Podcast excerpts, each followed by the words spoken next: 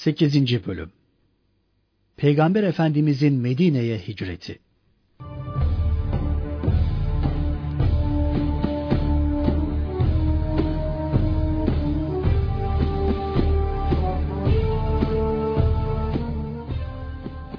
Kureyş müşrikleri Resul Ekrem Efendimizin vücudunu ortadan kaldırmak için kat'i karar almışlardı.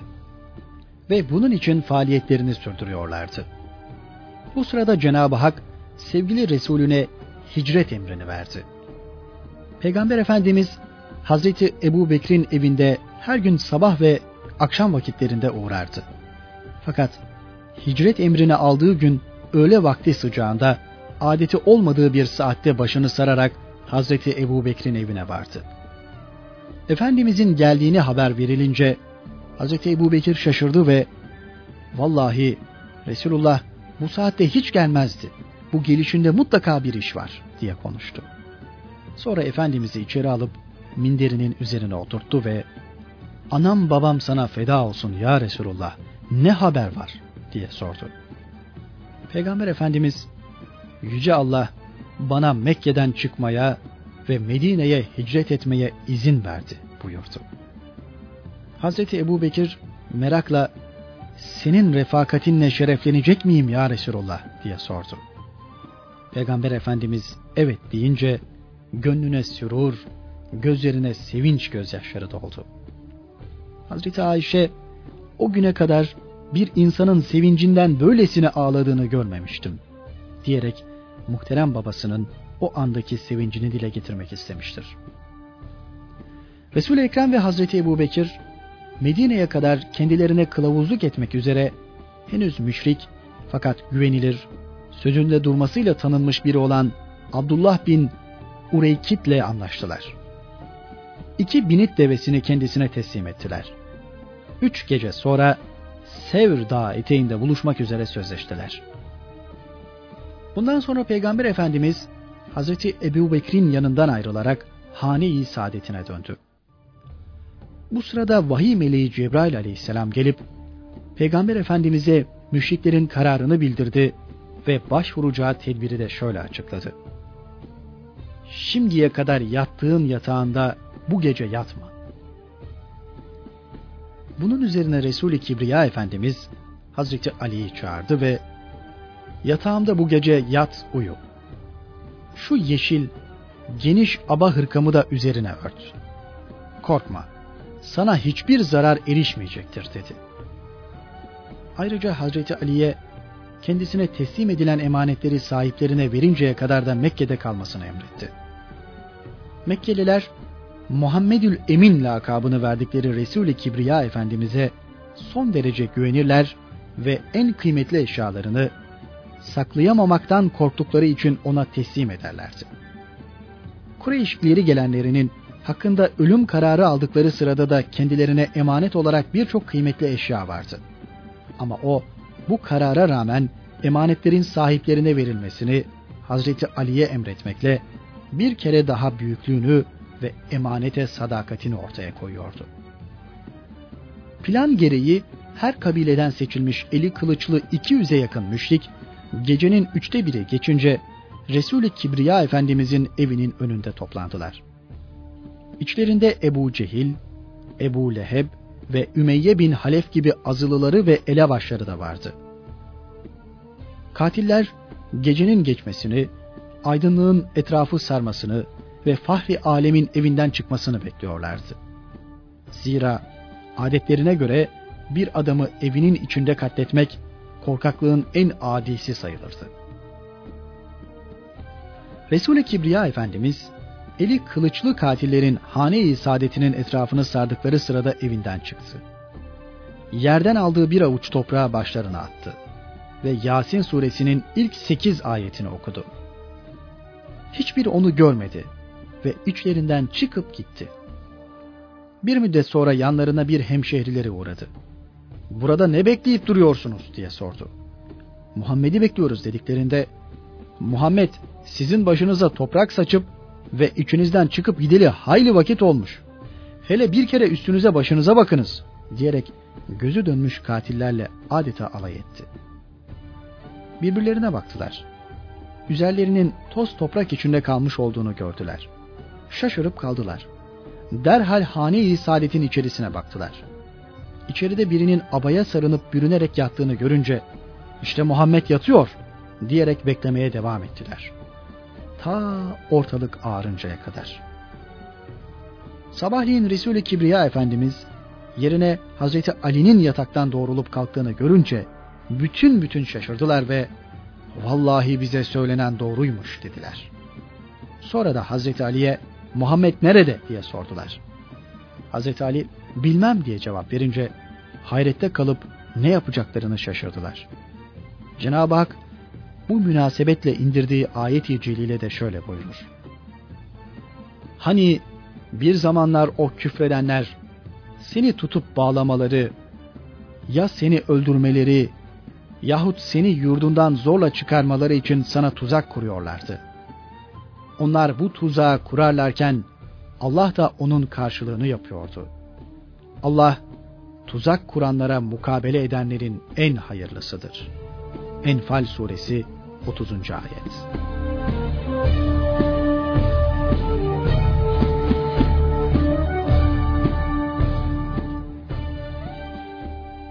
Sevr mağarasına gidiş.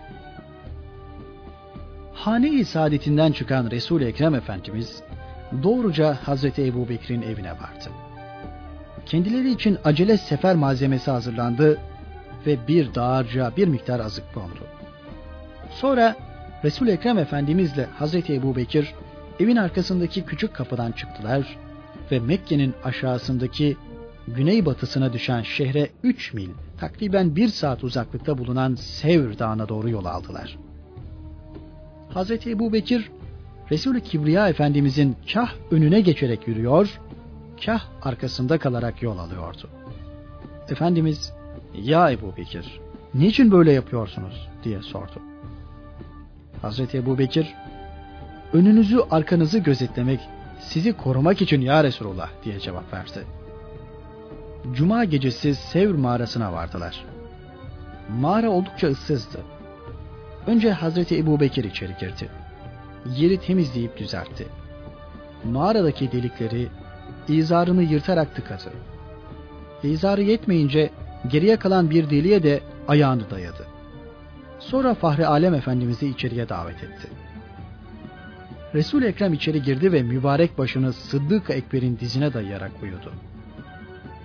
Az sonra Hazreti Ebu Bekir deliğe dayadığı ayağında müthiş bir acı hissetti. Yılan ısırması olduğunu anladı. Fakat delikten ayağını çekmedi. Hatta kainatın efendisi uykudan uyanabilir diye yerinden bile kımıldamadı. Canı öylesine acıdı ki gözlerinden ister istemez yaş aktı. Akan gözyaşlarının birkaç damlası mübarek yüzlerine damlayınca Resul-i Kibriya Efendimiz uyandı ve ne var ya Ebu Bekir diye sordu. Sadakat timsali Hazreti Ebu Bekir, Ya Resulullah, ayağıma bir şey soktu. Ama mühim değil. Anam babam sana feda olsun diye cevap verdi. Resul-i Kibriya yılanın soktuğu yeri mübarek tükürüğüyle mesetti. Allah'ın lütfuyla acı derhal kayboldu ve Sıddık Ekber şifa buldu. O anda Allah'ın emriyle bir örümcek gelip mağaranın ağzına ağını gerdi. Bir çift güvercin ise gelip yuva kurdu. Bu hayvanlar Resul-i Kibriya ve Hazreti Ebu Bekri bütün Kureyş'e karşı korumak için nöbettarlık etmeye başlıyorlardı. Resul-i Kibriya Efendimiz'i hane-i saadetinde bulamayan müşrikler fazlasıyla sıkılıp üzüldüler. Derhal Mekke'nin her tarafını didik didik aramaya koyuldular. Hz. Ebu Bekir'in evine vardılar. Onu da bulamayınca büsbütün öfkelendiler. Mekke'de Resul-i Kibriya Efendimiz'i bulamayınca bu sefer tellal çağırttılar. Muhammed'i veya Ebu Bekir'i bulup getirene veya öldürene yüz deve veririz. İçlerinde ne kadar hırsız, cani ve gözü dönmüş varsa bu ilanı duyunca kimi eline kılıç, kimi de sopalar alarak Mekke'nin dışına çıktılar ve etrafta koşuşturmaya başladılar. Arayıcılar yanlarına Müddic oğullarından iki iz takip edici de almışlardı. Resul-i Ekrem Efendimiz'e Hazreti Ebu Bekir'in izlerini buldular. Takip ede ede gelip Sevr Dağı'nın eteklerine dayandılar.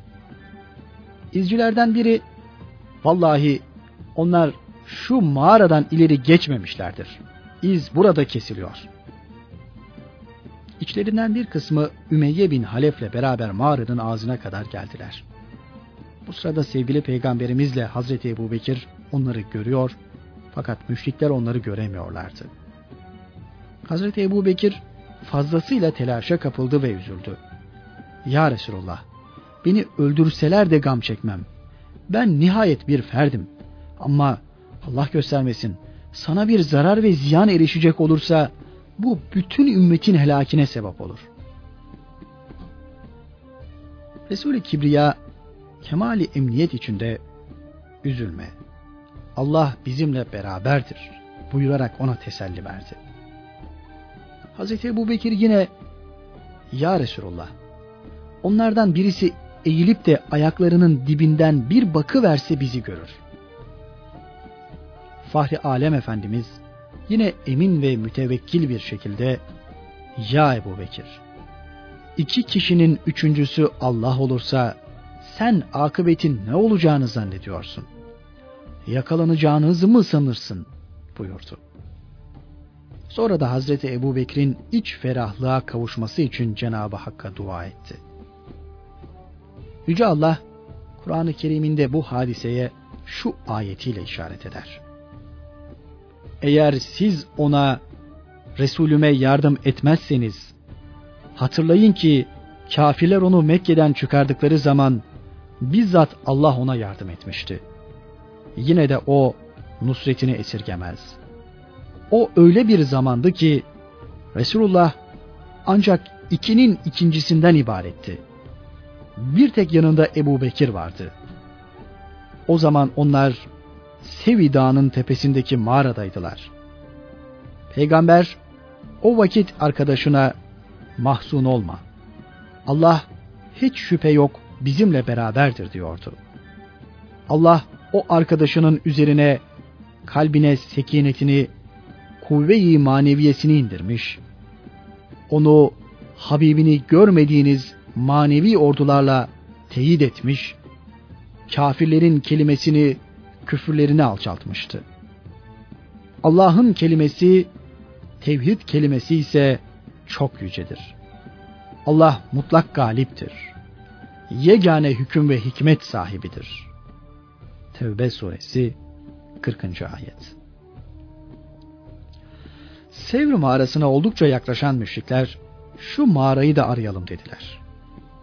Konuşulanları Fahri Kainat Efendimizle Sıddık Ekber duyuyorlardı. İçlerinden biri mağaranın ağzına geldi fakat içeri girip bakmak lüzumu hissetmeden geri döndü. Neden girip içeri bakmadın diye sordular. Mağaranın ağzında iki yabani güvercin yuva kurduğunu gördüm. Orada olduklarına asla ihtimal vermem diye cevap verdi. Azılı müşrik Ümeyye bin Halef ise arkadaşlarına hiddetli hiddetli şöyle seslendi.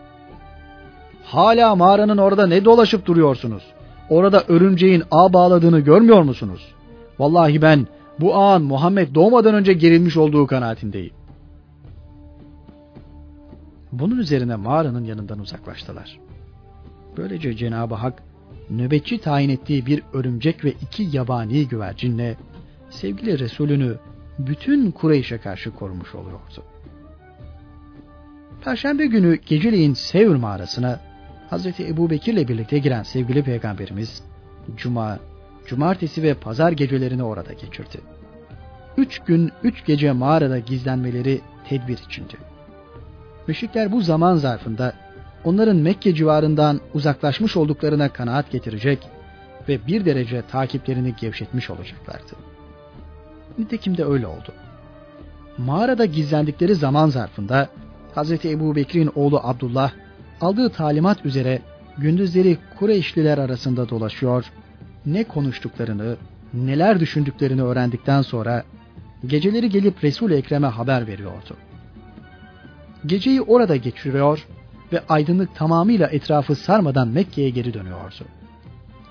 Diğer taraftan Hz. Ebu Bekir'in kölesi Amir bin Fuheyre de o civarda koyunlarını güdüyor, hem Abdullah'ın izlerini yok ediyor, hem de onlara süt götürüyordu. Böylece üç gün, üç gece hayat da geride kalmış oluyordu. Kureyşlilerin Resul Ekrem ve Hazreti Ebu Bekir hakkındaki arama taramaları da bir derece gevşemişti. Hazreti Abdullah'ın Mekke'den getirdiği haber bu meyandaydı. Bu arada daha evvel kararlaştırıldığı üzere kılavuz olarak tutulan Abdullah bin Üreykit de kendisine teslim edilen iki deve ile birlikte kendi devesi de yanında bulunduğu halde pazartesi günü seher vakti Sevr Dağı'nın eteğinde göründü. Peygamber Efendimiz ve beraberindekilere yol azığı olarak bir koyun kesilmiş, eti pişirilmişti. Hazreti Ebu Bekir'in kızı Esma bunu bir dağarcığa koyup bir tulum suyla birlikte mağaraya getirdi. Hazreti Esma dağarcık ve tulumun ağzını bağlamak için bağ getirmeyi unutmuştu. Mağaradan hareket edileceği sırada civarda bağlayacak bir şey bulamayınca belindeki kuşağı yırtıp iki parçaya ayırdı.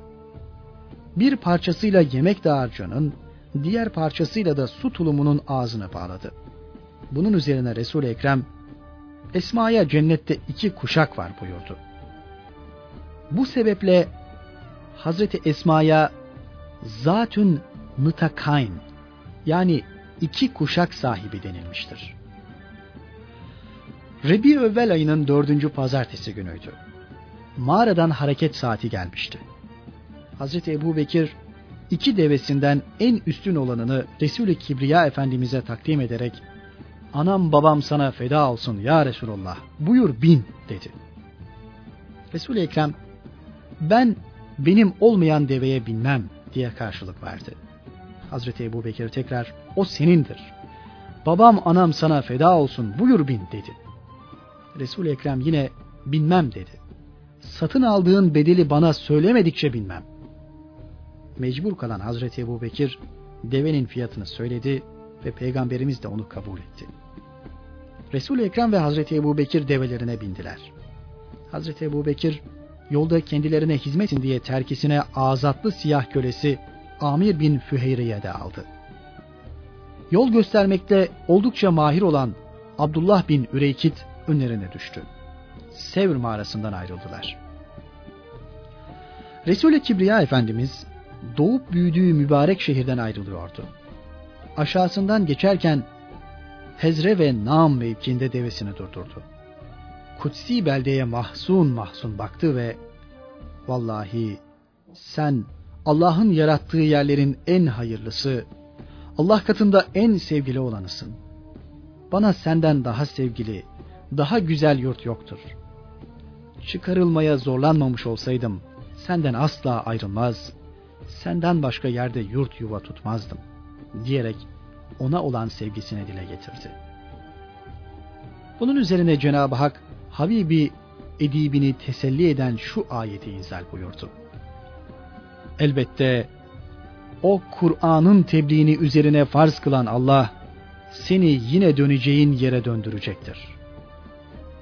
Kassas suresi 85. ayet.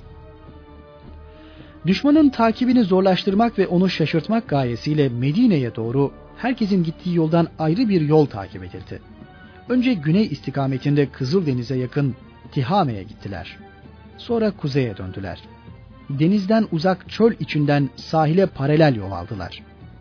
Salı günü öğleye kadar durup dinlenmeden deve sırtında yol kat ettiler. Salı günü öğle üzeri bir gölgelikte bir nebze dinlenmek için konakladılar. Peygamber Efendimiz istirahate çekildi. Hazreti Ebu Bekir ise başında bir muhafız gibi bekliyordu. Bir taraftan da etrafa göz gezdiriyordu. Uzakta bir çoban gördü. Yanına gitti çobanın koyunundan sağdığı bir miktar sütü alıp getirdi. Resul Ekrem uyanınca kendisine takdim etti. Efendimiz kanasıya içti. Yolculuk esnasında garip hadiseler cereyan ediyordu. Yanına varıp süt istedikleri bir çoban onlara yanında süt verecek şu keçiden başkası yok. Fakat o da hamile oldu ve sütü çekildi dedi. Resul-i Kibriya'nın şifalı ve bereketli eli keçinin memelerine uzandı mübarek elleriyle onları sığadı ve dua etti. Memeler anında sütle doldu. sağılan sütü hepsi kana kana içti. Hayretler içinde kalan çoban, Allah aşkına sen kimsin? Şimdiye kadar senin gibisine rastlamadım diye sordu. Resul-i Ekrem Efendimiz, kim olduğumu söylerim ama gördüğünü, duyduğunu gizli tutmak şartıyla dedi. Çoban, olur gizli tutarım diye söz verince, Fahri Alem Efendimiz, ben Allah'ın Resulü Muhammed'im buyurdu. Hayreti bütün bütün artan çoban, demek Kureyş'in yolunu sapıttı dediği zat sensin öyle mi? dedi. Peygamber Efendimiz, onlar böyle söylüyorlar buyurdu. Bunun üzerine çoban, ben şehadet ederim ki sen bir peygambersin. Getirdiğin de haktır. Senin yaptığın ancak bir peygamber yapabilir. Ben sana tabi oldum dedi ve orada İslamiyetle şereflendi. Çoban ayrıca kendileriyle gitme arzusunu da ishar etti. Fakat resul Ekrem Efendimiz senin buna bugün gücün yetmez. Benim muvaffak olduğumu haber aldığın zaman bize gel katıl buyurdu. Fahri Alem Efendimiz beraberindekilerle üçüncü uğrak yerleri olan Kudeyt mevkiine geldiler. Orada oturan Ebu Mabed'in çadırı önünden geçerken satın almak maksadıyla hurma veya yiyecek başka bir şey var mı diye sordular. Ebu Mabed o anda orada yoktu. Hanımı Atike Ümmü Mabed hayır yiyecek bir şey yok diye cevap verdi. Resul Ekrem Efendimiz bir tarafta zayıf bir keçi gördü. Bunda süt yok mu diye sordu. Ümmü Mabed onun vücudunda kan yoktur. Nereden süt verecek diye cevap verdi. Peygamber Efendimiz izin verirsen sağarım dedi. Ümmü Mabet sürüyle otlamaya gidemeyecek kadar zayıf olan keçiden süt çıkmayacağını biliyordu. Fakat misafire olmaz demenin uygun düşmeyeceğini düşünerek pekala onda süt bulursan sağa ver dedi. resul Ekrem Efendimiz gidip keçinin beline elini sürdü ve memesini de mübarek eliyle mesetti. Sonra Bismillahirrahmanirrahim diyerek dua etti. Daha sonra bir kap getiriniz, sağınız buyurdu. Sağdılar. Getirdikleri kocaman kap doldu. Peygamber Efendimiz önce Ümmü Mabed'e, sonra da orada bulunanlara doyuncaya kadar içirdi. En sonunda kendileri içti. Tekrar sağıp içtiler. Üçüncü defada sağıp onu Ümmü Mabed'e bıraktılar. Sonra da oradan ayrılıp yollarına devam ettiler. Az sonra Ebu Mabed geldi. Kap içindeki sütü görünce bu ne diye sordu. Ümmü Mabed buraya mübarek bir zat geldi. Şöyle şöyle söyledi. Keçiyi böyle sağdı diyerek olup bitenleri tafsilatıyla anlattı. Ebu Mabed bunda bir hikmet var. O zatın şekli ve siması nasıldı diye sordu. Ümmü Mabed orta boylu, kara kaşlı, kara gözlü ve gayet nurani yüzlü, latif bir adamdı diyerek Peygamber Efendimizin şekil ve şemailini birer birer beyan etti. Bunun üzerine Ebu Mabed, vallahi bu senin tarif ettiğin zat Kureyş içinde zuhur eden peygamberdir. Eğer ben burada bulunsaydım ona tabi olur, beraberinde gitmeyi ondan dilerdim. Resulullah'tan bu keçiyi kesme diye de emir alan Ümmü Mabet demiştir ki Resulullah'ın memesini meshettiği o keçi Hazreti Ömer'in hilafetinde meydana gelen hicretin 18. yılındaki kıtlık ve kuraklığa kadar sağ kaldı. Yeryüzünde hayvanlar yiyecek bir şey bulamazken biz onu sabah ve akşam sağardık. Kureyş'in Peygamber Efendimiz'i ele geçirenlere yüz deve vaat ettiği Kinane kabilesinden olup o havalide yaşayan Beni Müdliç aşireti tarafından da duyulmuştu. Sahil yolundan iki deveyle dört kişinin geçip gittiğini de işitmişlerdi. Bunlardan gayet cesur ve aynı zamanda iyi iz takip eden Süraka bin Malik de bu mükafatın tatlılığına kanarak Resul Ekrem Efendimiz'i takibe koyulmuştu. Bir ihbar üzerine harekete geçen Süraka kısa zamanda izlerini buldu dört nala koşturduğu atıyla gittikçe Resul Ekrem Efendimiz ve beraberindekilere yaklaşıyordu. Aralarında az bir mesafe kalmıştı. Hazreti Ebu Bekir, Süraka'nın geldiğini görünce telaşlandı. Peygamber Efendimiz mağarada dediği gibi üzülme Allah bizimle beraberdir dedi ve dönüp Süraka'ya baktı. Süraka'nın atının ayakları bir anda dizlerine kadar yere battı. Kurtulunca tekrar takip etti. Fakat yine atının ayakları yere saplandı. Ve atının ayaklarının saplandığı yerden duman gibi bir şey çıktı. O vakit anladı ki ne onun elinden ve de kimsenin elinden gelmez ki ona ilişsin. Ya Muhammed dedi. Dua et kurtulayım. Sana hiç dokunmayacağım. Seni takip edecek kimselere de senden hiç bahsetmeyeceğim. Servet-i Kainat Efendimiz dua etti. Cenab-ı Hak duasını kabul etti ve Süraka'yı o müşkil durumdan kurtardı. Süraka, Resul Ekrem Efendimizin yanına vardı. Kendisini tanıttı. İleride İslamiyet'in her tarafa hakim olacağı mülahazasıyla bir emanname istedi. Resul-i Kibriya Efendimiz kendisine yazılı bir emanname verdi. Bir rivayete göre bu emannameyi Hazreti Ebu Bekir, diğer bir rivayete göre ise Amir İbni Füheyle yazdı. Emannameyi alan Süraka, ''Ey Allah'ın peygamberi, emret istediğini yapayım.'' dedi. Resul-i Ekrem Efendimiz, ''Git, öyle yap ki başkası gelmesin.'' diye ferman etti.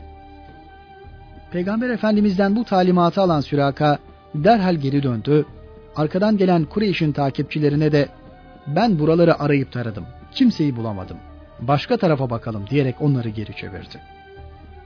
Kaderin tecellisine bakınız ki günün başlangıcında sevgili peygamberimizi ele geçirmek veya öldürmek için atına atlayıp takibe çıkan Süraka, günün sonunda aynı zatın bir muhafızı oluyor ve onu düşman takipçilerinden korumaya çalışıyor. Sonraları Ebu Cehil, Süraka'nın bu haline vakıf olunca pek ziyade gadaba geldi ve onun gayretsizliğinden bahsederek hakkında bir kıta Hicviye söyledi. Mucize-i Ahmediye'ye şahit olan Süraka da ona eğer atımın ayaklarının nasıl yere gömüldüğünü görseydin sen de Muhammed'in peygamberliğine iman ederdin kıtasıyla cevap verdi. Aynı Süraka hicretin 8. senesinde Resul Ekrem Efendimizin Huneyn gazasından dönüşü sırasında huzuru risalete emanname ile gelecek ve İslamiyetle müşerref olup peygamberimizin iltifatına mazhar olacaktır. Süraka döndükten sonra Resul Ekrem Efendimiz beraberindekilerle yine kızgın çöller üzerinde yol almaya başladı. Sanki gökten alev yağıyor, yerden kızgın kıvılcımlar fışkırıyordu. Bu sırada onları bir çoban gördü. Kureyş'e haber vermek üzere son sürat Mekke'ye geldi. Fakat şehre girer girmez ne için geldiğini birden unutuverdi. Ne kadar çalıştıysa da bir türlü hatırlayamadı. Mecbur olup geri döndü. Sonra anladı ki ona unutturulmuş. Hazreti Zübeyir bin Avvam Şam ticaret kafilesiyle Medine'den Mekke'ye gitmekteydi. Yolda Resul-i Kibriya Efendimizle karşılaştı. Peygamber Efendimizle Hazreti Ebu Bekir'e birer beyaz Şam maşlahı giydirdi. Medineli Müslümanlardan birinin Resulullah ve arkadaşları geciktiler dediğini haber verdi. Bunun üzerine Resul-i Kibriya Efendimiz hareketini süratlendirdi. Mekke'ye gelip işlerini yoluna koyan Hazreti Zübeyir bin Avvam da Medine'ye hicret etmiştir. Deve sırtında süratle yol alan Resul-i Kibriya Efendimiz beraberindekilerle gelip Amim denilen mevkiye ulaştı. Sehm oğulları yurdu buraya yakındı. Reislerinden Büreyde bin Huseyb, Kureyş'in yüz deve vaadini işitmiş olduğundan yanına 80 kadar adamını da alarak gelip Peygamber Efendimiz'e kavuştu. resul Ekrem ona sen kimsin diye sordu. Ben Büreyde'yim deyince Peygamber Efendimiz Hazreti Ebu Bekir'e ya Ebu Bekir işimiz serinledi ve düzeldi dedi. Peygamberimiz tekrar Büreyde'ye kimlerdensin diye sordu. Eslem kabilesindenim cevabını verdi. Bunun üzerine Peygamber Efendimiz yine Hazreti Ebu Bekir'e dönerek Ya Ebu Bekir selamete erdik. Peygamber Efendimiz Eslem'in hangi kolundansın diye sordu. Büreyde Sehmoğullarındanım dedi. Bunun üzerine Efendimiz Hazreti Ebu Bekir'e Ya Ebu Bekir okun çıktı buyurdu. Fahri kainat katiyen tatayyür etmezdi. Yalnız güzel şeylerde hasenatta tefeül ederdi. Yani hayra yorardı. Onun için Büreyde'ye rastlamasını iyi bir hal ve alamet saydı. Bu sefer Fahri kainatın akval ve etvarındaki metanet ve ağırbaşlılığa, lisanındaki düzgünlüğe musahhar ve hayran olan Büreyde, peki ya sen kimsin diye sordu. resul Ekrem, ben Abdülmuttalip'in oğlu, Abdullah'ın oğlu Muhammed'im ve Allah'ın Resulüyüm dedi ve onu İslam'a davet etti. Büreyde davete derhal icabet etti ve beraberindekilerle birlikte şehadet kelimesi getirerek Müslüman oldu. Peygamberimiz geceyi burada geçirdi.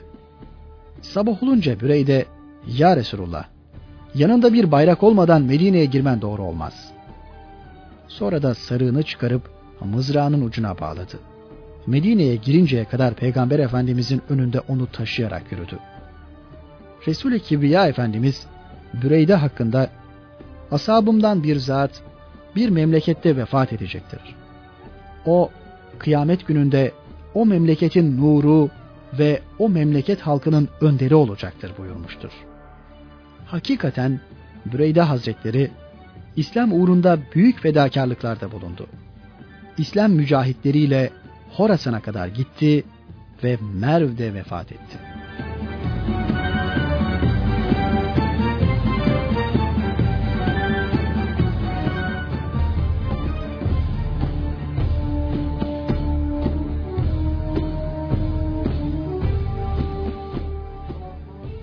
Peygamber Efendimizin Medine'ye gelişi. Medineli Müslümanlar Resulü Kibriya Efendimizin Mekke'den Medine'ye gelmek üzere yola çıktığını duymuşlardı. Bunun için her gün sabah namazından sonra Harre mevkiine çıkarak öğle sıcağı basıncaya kadar yolunu heyecan ve sabırsızlıkla beklerlerdi. Yine bir gün Teşrif-i Nebevi'yi uzun uzun beklemişler gelmediğini ve etrafını da şiddetli sıcaklığın bastığını görünce evlerine geri dönmüşlerdi. Bu sırada bir işi için evinin damına çıkmış olan bir Yahudi, beyazlara bürünmüş birkaç kişinin çölün sıcaklığını, serap ve sisleri yara yara gelmekte olduğunu gördü. Müslümanların Hazreti Resulullah'ı günlerden beri beklemekte olduğunu biliyordu. Kendisini tutamayarak Ey Arap topluluğu! İşte beklediğiniz devletliniz geliyor! diye haykırarak Müslümanlara müjde verdi. Bu müjde Medine sokaklarında bir şimşek çaktı. Şehir bir anda bayram havasına büründü. Çünkü insanlığa huzur ve saadet sunan zat geliyordu. Müslümanlar derhal silahlanıp o tarafa doğru koştular. Karşılayıcılar Resul Ekrem Efendimiz de Hazreti Ebu Bekre bir hurma ağacının gölgesinde dinlenirken kavuştular. Hazreti Ebu Bekir başucunda ayakta duruyordu. Günlerden beri yolunu heyecan, sabırsızlık ve muhabbetle bekledikleri ak maşlaha bürünmüş kainatın efendisini selamladılar. Nur saçan mübarek simasını temaşaya başladılar. Hurma ağacının gölgesinde bir müddet yorgunluğunu gideren Resul-i Kibriya, daha sonra beraberindekiler ve karşılayıcılarla birlikte Medine'nin sağ tarafına düşen Kuba köyüne doğru yoluna devam etti. Rebiüvevvel ayının çok sıcak bir pazartesi günüydü. Güneş ateşten oklarını bütün şiddetiyle yeryüzüne gönderiyordu. Kuşluk vakti Resul-i Kibriya Efendimiz etrafındaki müminler Medine'ye bir saat kadar mesafesi olan Kuba köyüne vardı. Orada Amr bin Av oğullarının kardeşi Gülsüm bin Hidm'in evine indi. Kızgın kumlar üzerindeki süratli yolculuk Efendimiz'i oldukça yormuştu. Müslümanlarla görüşmek arzusuna binaen Kuba'da bir müddet ikamet etmeye karar verdi. Geceleri Medineli Müslümanların eşrafından oldukça yaşlı bir zat olan Gülsüm bin Hidm'in evinde kalan Efendimiz, gündüzleri ise Müslümanlarla konuşmak, sohbet etmek için ashabtan bekar bir zat olan Sa'd bin Hayseme'nin evine giderdi. Zaten muhacirlerin bekarları da onun evinde kalırlardı. Bu sebeple evine Darul Uzab yani bekarlar evi denirdi. Hazreti Ali Resulü Kibriya Efendimizin emriyle Kureyşlilerin kendisine teslim ettikleri kıymetli eşya ve emanetlerini sahiplerine iade etmek maksadıyla Mekke'de kalmıştı. Hazreti Ali bu vazifeyi yerine getirmiş ve Efendimizin Mekke'den ayrılışından üç gün sonra da hareket etmişti. Resulü Kibriya Efendimiz henüz Kuba'dayken gelip kavuştu. Yürümekten ayakları şişmiş ve kabarmıştı. Peygamberimiz onu gözyaşları arasında kucakladı ve ayağının iyileşmesi için dua edip eliyle mesetti. Cenab-ı Hak anında şifa ihsan etti. Hazreti Ali'nin ayaklarında ne kabarmadan ne de ağrı ve sızıdan eser kalmadı.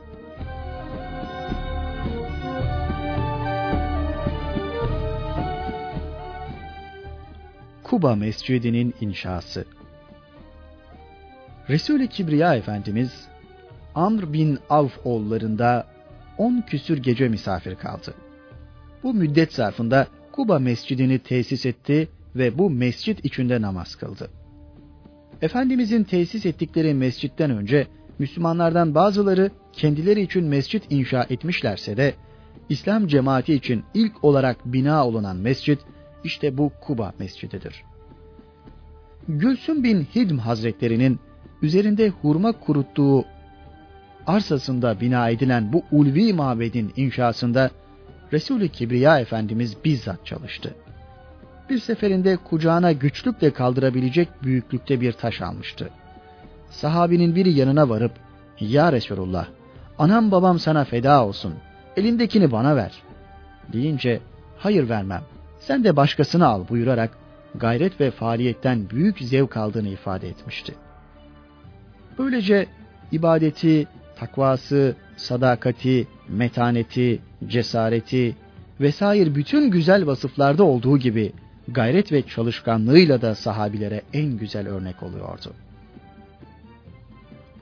Onun bu gayret ve faaliyetini müşahede eden Müslümanlar da aşk ve şevk içinde bıkmadan, usanmadan ve zerre kadar fütur eseri göstermeden çalışıyorlardı.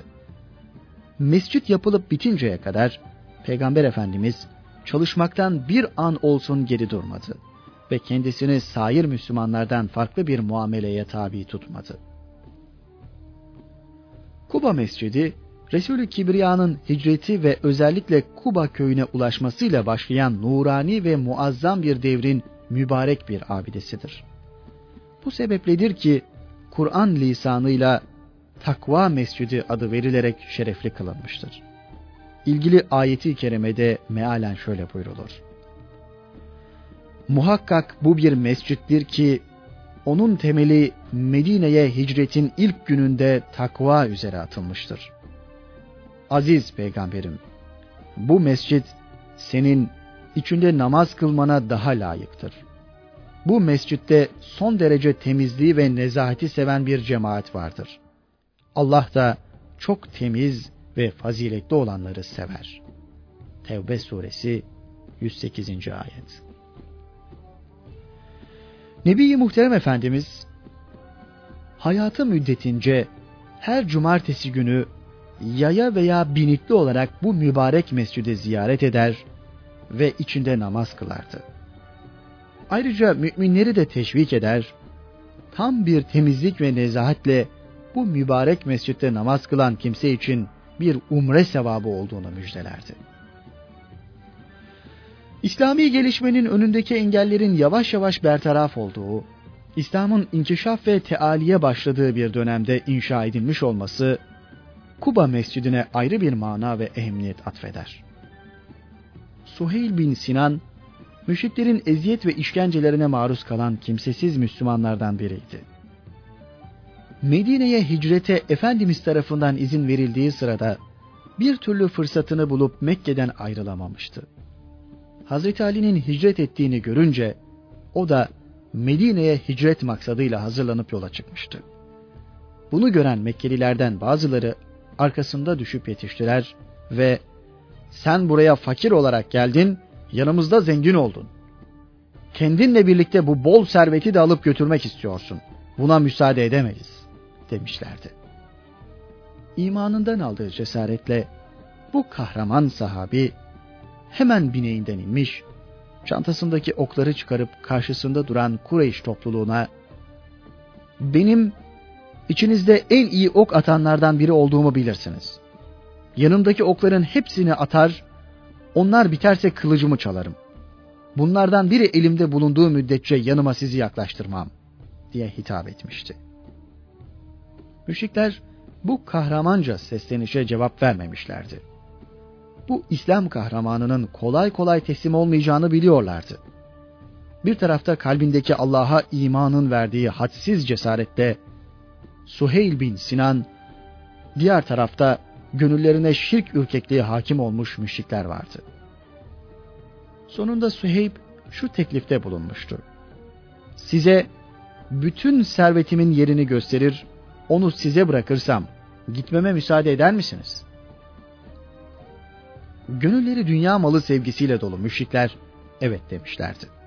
Hazreti Süheyb de onlara servetini bırakarak Allah yolunda dini ve imanını serbestçe yaşamak uğrunda hicretine devam etmişti. Rebiül evvel ayının ortalarına doğru gelip Kuba'da Resul-i Kibriya Efendimiz'e kavuştu. Yolda gözü ağrımış, karnı ise son derece acıkmıştı. O sırada Efendimiz ve yanında bulunan Hazreti Ebu Bekir ile Hazreti Ömer'in önünde taze yapraklı salkım halinde hurma vardı. Hazreti Suheyb hemen yaş hurmaları yemeye başladı. Hazreti Ömer, Ya Resulullah, Suheyb'i görmüyor musun?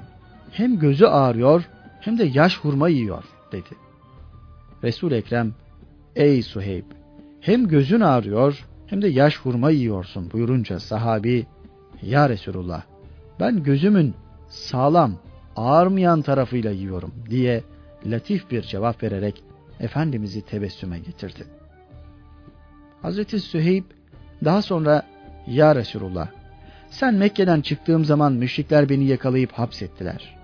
Ben de servetimi vererek kendimi ve ailemi satın aldım dedi. Resulü Muhterem Efendimiz Suheyb kazandı. Suheyb kazandı. Ebu Yahya satış karlı çıktı. Satış karlı çıktı buyurarak bu kahraman sahabiyi müjdeleyip sevindirdi. Bunun üzerine şu ayeti kerime nazil oldu. İnsanlardan Allah'ın rızasını kazanmak için canını seve seve feda edenler var. Allah ise kullarına karşı çok şefkatlidir. Bakara suresi 207. ayet. Servet-i Enbiya Efendimiz Kuba'da on küsür gece ikamet buyurduktan sonra bir cuma günü Medine'ye doğru hareket etti. Kasva adındaki devesinin üzerindeydi.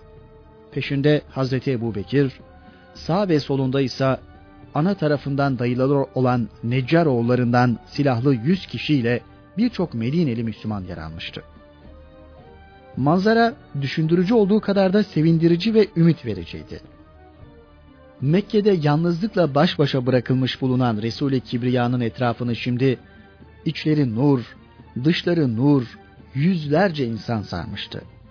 Dillerinde tekbir, gönüllerinde ise hadsiz sürur vardı. Kendilerine dünya ve ahiret saadetinin kaynağı olan gerçek iman ve İslam'ı sunan bu şerefli zatın yolunu günlerden beri sabırsızlıkla beklemişlerdi. Şimdi ise ona kavuşmanın eşsiz sevincini duyarak, hissederek yaşıyorlardı.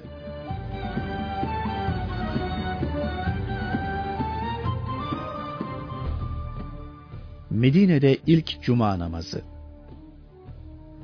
Resul Ekrem Efendimiz yol esnasında sol tarafa yönelerek Salim bin Av oğulları yurduna vardı. Ranuna mevkiine geldiklerinde cuma namazı vakti girdi. Efendimiz Ranuna vadisinin ortasındaki cuma mescidinin yerine indi ve burada cuma namazı kıldı. Bu Peygamber Efendimizin Medine'de kıldığı ilk cuma namazıydı. Resul Ekrem Efendimiz burada arka arkaya iki hutbe irat buyurdu. İlk hutbesinde Allah'a hamd ve senadan sonra mealen Müslümanlara şöyle hitap etti. Ey insanlar! Sağlığınızda ahiretiniz için tedarik görünüz. Muhakkak biliniz ki kıyamet gününde birinin başına vurulacak ve çobansız bıraktığı koyunundan sorulacak. Sonra Cenab-ı Hak ona diyecek. Ama nasıl diyecek? Tercümanı yok, perdedarı yok. Bizzat diyecek. sana benim Resulüm gelip de tebliğ etmedi mi? Ben sana mal verdim. Sana lütuf ve ihsan ettim. Sen kendin için ne tedarik ettin? O kimse dahi sağına soluna bakacak, bir şey görmeyecek. Önüne bakacak, cehennemden başka bir şey görmeyecek. Öyleyse her kim ki kendisinin velev ki bir yarım hurmayla olsun ateşten kurtarabilecekse hemen o hayrı işlesin. Onu da bulamazsa bari kelimeyi tayyibe ile güzel sözle kendisini kurtarsın. Zira onunla bir hayra on mislinden yedi yüz misline kadar sevap verilir. Allah'ın selam, rahmet ve bereketi üzerinize olsun. Resulü Kibriya ikinci hutbesinde ise mealen şöyle buyurdu. Allah'a hamd olsun. Allah'a hamd ederim ve ondan yardım isterim. Nefislerimizin şerrinden ve kötü amellerimizden Allah'a sığındık. Allah'ın hidayet ettiğine kimse saptıramaz. Allah'ın idlal ettiğini de kimse hidayet edemez. Allah'tan başka ilah olmadığına şehadet ederim. O birdir, şeriki yoktur. Kelamın en güzeli kelamullah'tır. Kimin ki Allah kalbini Kur'an'la süsler ve onu kafirken İslam'a dahil eder, o da Kur'an'ı sair sözlerle tercih ederse, işte o kimse felah olur. Doğrusu Kitabullah kelamların en güzeli ve en beliğidir. Allah'ın sevdiğini seviniz. Allah'ı can ve gönülden seviniz. Allah'ın kelamından ve zikrinden usanmayınız. Ve Allah'ın kelamından kalbinize kasavet gelmesin. Zira kelamullah her şeyin en güzelini, en iyisini ayırıp seçer. Amellerin hayırlısını ve kulların güzidesi olan peygamberleri ve kıssaların iyisini zikreder.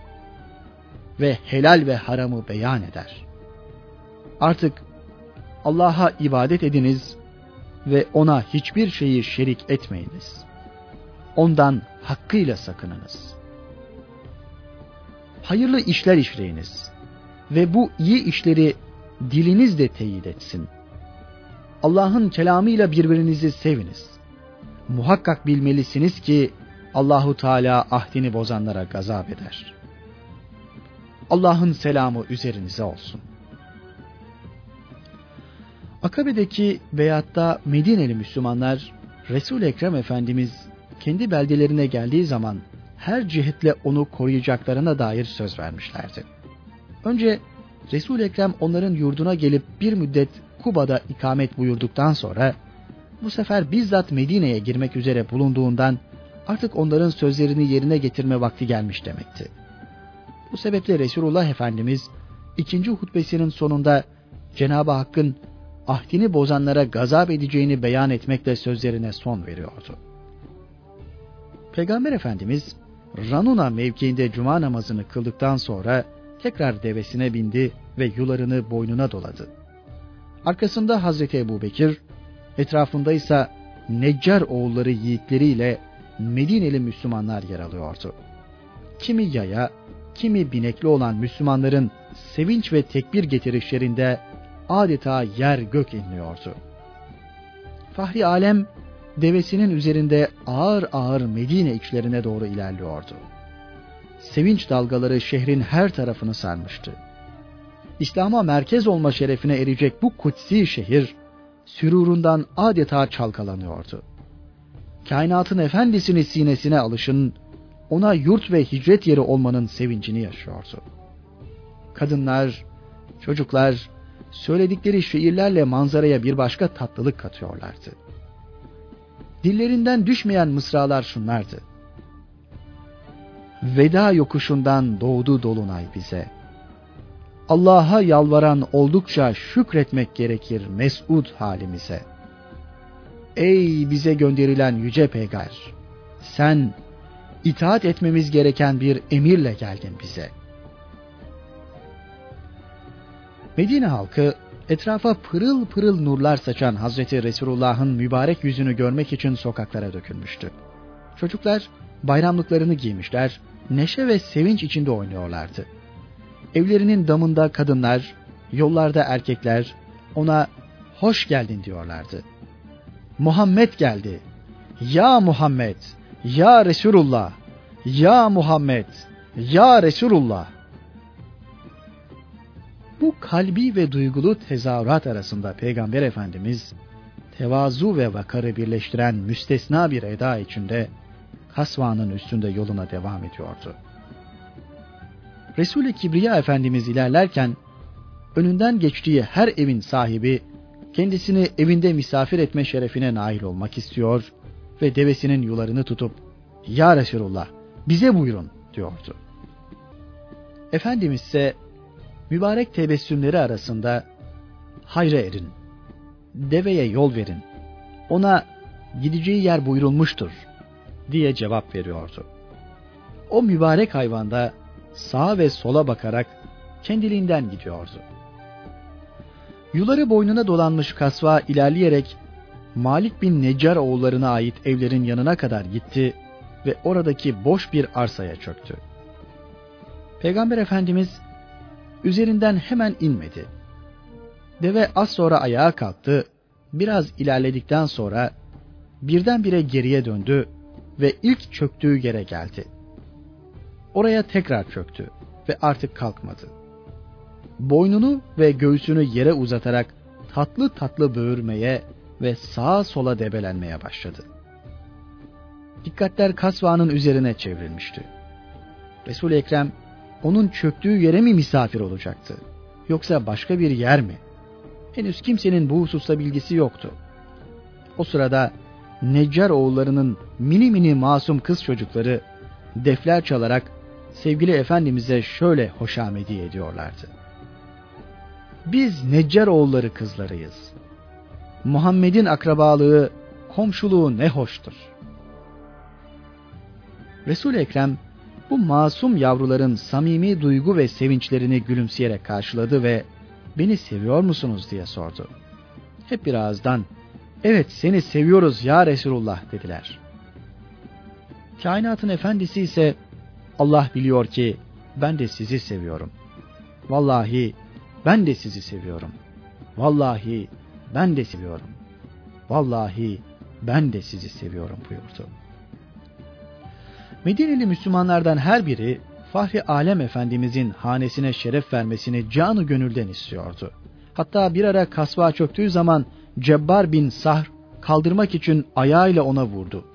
Bunu fark eden Hazreti Ebu Eyyub el-Ensari hiddete gelerek Ey Cebbar sen benim evimin önünden kaldırmak için ona vurdun. Resulullah'ı hak dinle gönderen Allah'a yemin ederim ki İslamiyet mani olmasaydı sana kılıçla vururdum demekten kendini alamamıştı.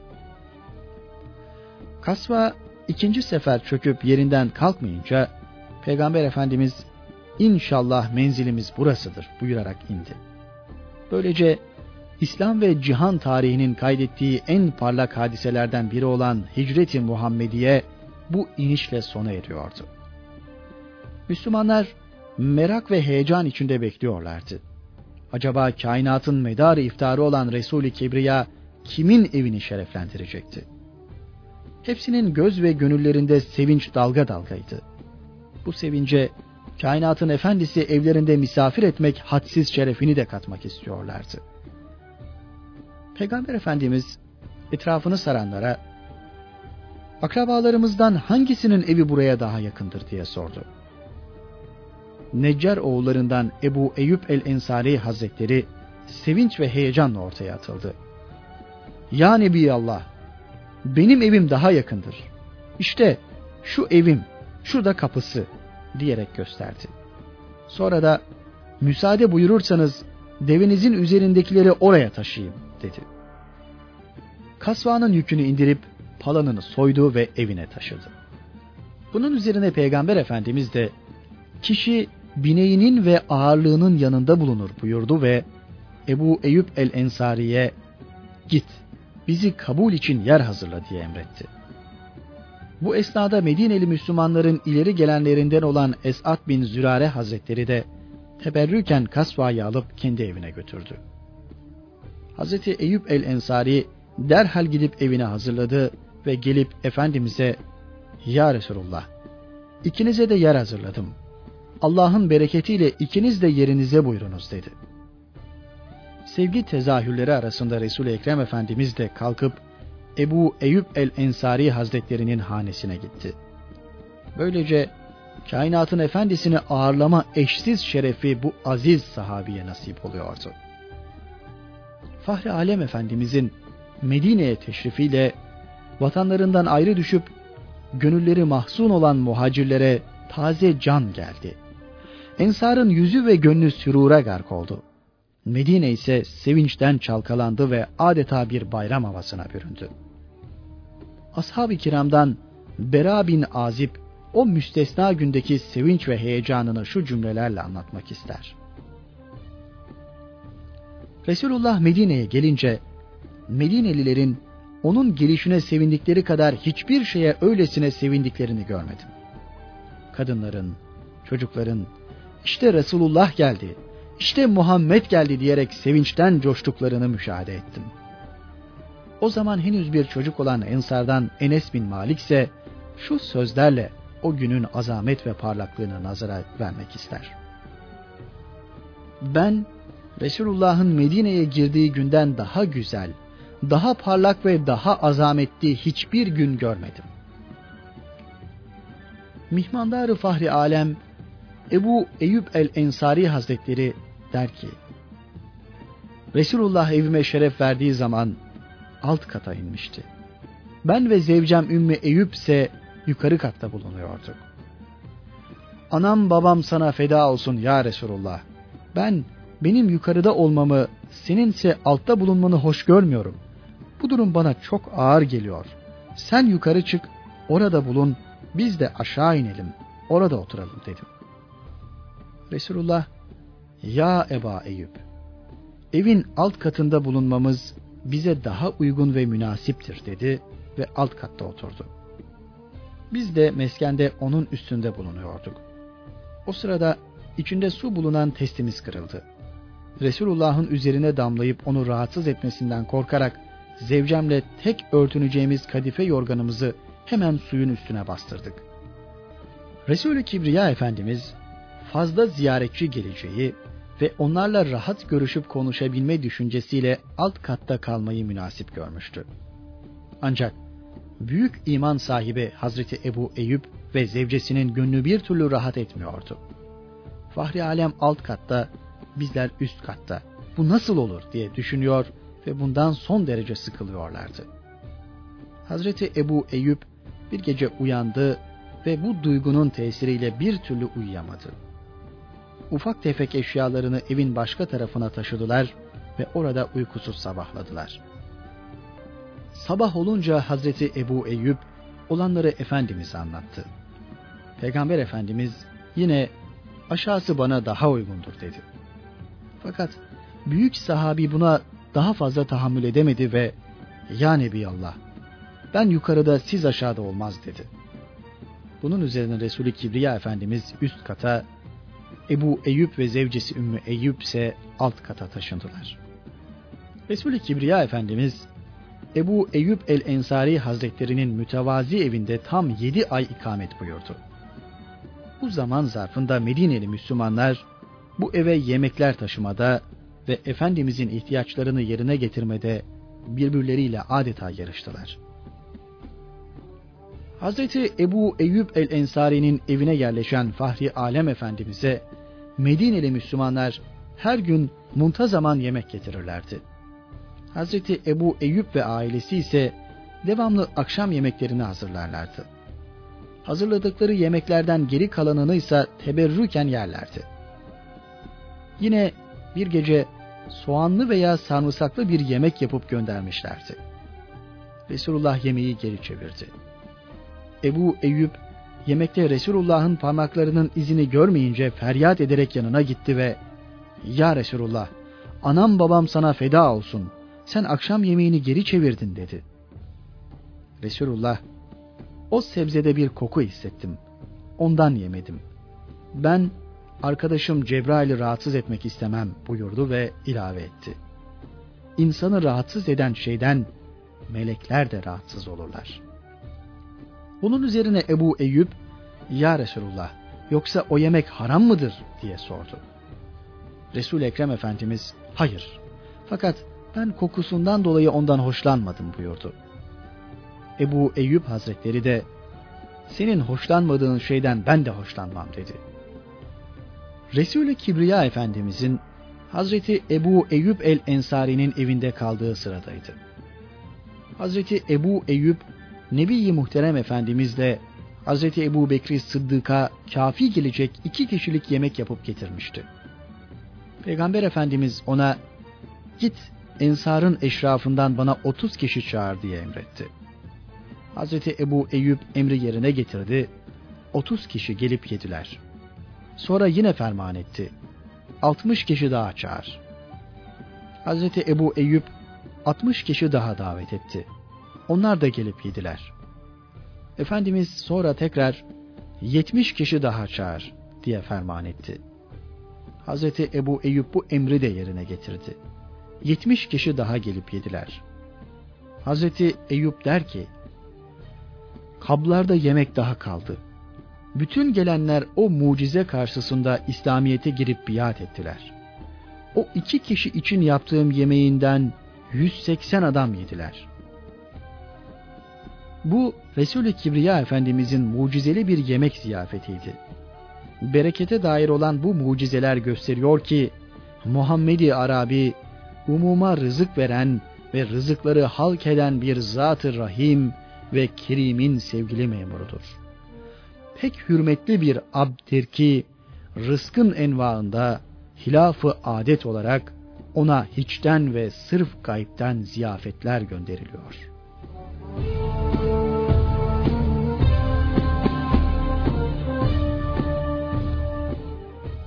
Hicri Tarih Resulü Kibriya Efendimiz Medine'ye hicret ettiklerinde Müslümanların kullandıkları kendilerine mahsus bir tarihleri yoktu. Bunun üzerine Efendimizin hicretini başlangıç kabul ederek Resulullah'ın gelişinden bir ay iki ay sonra diye hicri tarih kullanmaya başladılar. Hazreti Resul-i Ekrem'in Dar-ı Beka'ya irtihaline kadar da bu suretle kullanıldı. Fakat sonra kesildi, kullanılmadı. Hazreti Ebu Bekir'in hilafeti zamanıyla Hazreti Ömer'in hilafetinin dört senesi böyle geçti. Sonra resmi muameleler ve medeni münasebetlerin vakitlerini belli etmeye ve tayinine ciddi gerek duyuldu. Bunun üzerine Hazreti Ömer ashabı topladı, onlarla istişare etti. Saad bin Ebi Vakkas Hazretleri, Peygamberimizin vefatı zamanının esas alınmasını, Talha bin Ubeydullah Hazretleri, Efendimizin peygamber olarak gönderiliş tarihini, Hazreti Ali, Resul-i Kibriya'nın Medine'ye hicretlerini, başkaları ise Efendimizin doğum gününün tarihe başlangıç olarak kabul edilmesini teklif ettiler. Hicretin 17 veya 16. yılında toplanan bu şuranın müzakereleri neticesinde Hazreti Ali'nin teklifi üzerine ittifak edildi. Ancak hangi ayın başlangıç olarak kabul edileceği hususunda bir mutabakata varılmadı. Abdurrahman bin Av Hazretleri haram ayların ilki olduğu için Recep'i, Talha bin Ubeydullah Müslümanların mübarek ayıdır diye Ramazan'ı, Hazreti Ali ise sene başıdır diye Muharrem'i başlangıç olarak teklif etti. Bu hususta da yine Hazreti Ali'nin teklifi kabul edildi. Böylece kamer senesi esas ve hicret tarihi başlangıç kabul edilerek Müslümanlar kendilerine mahsus bir takvim tanzim etmiş oldular.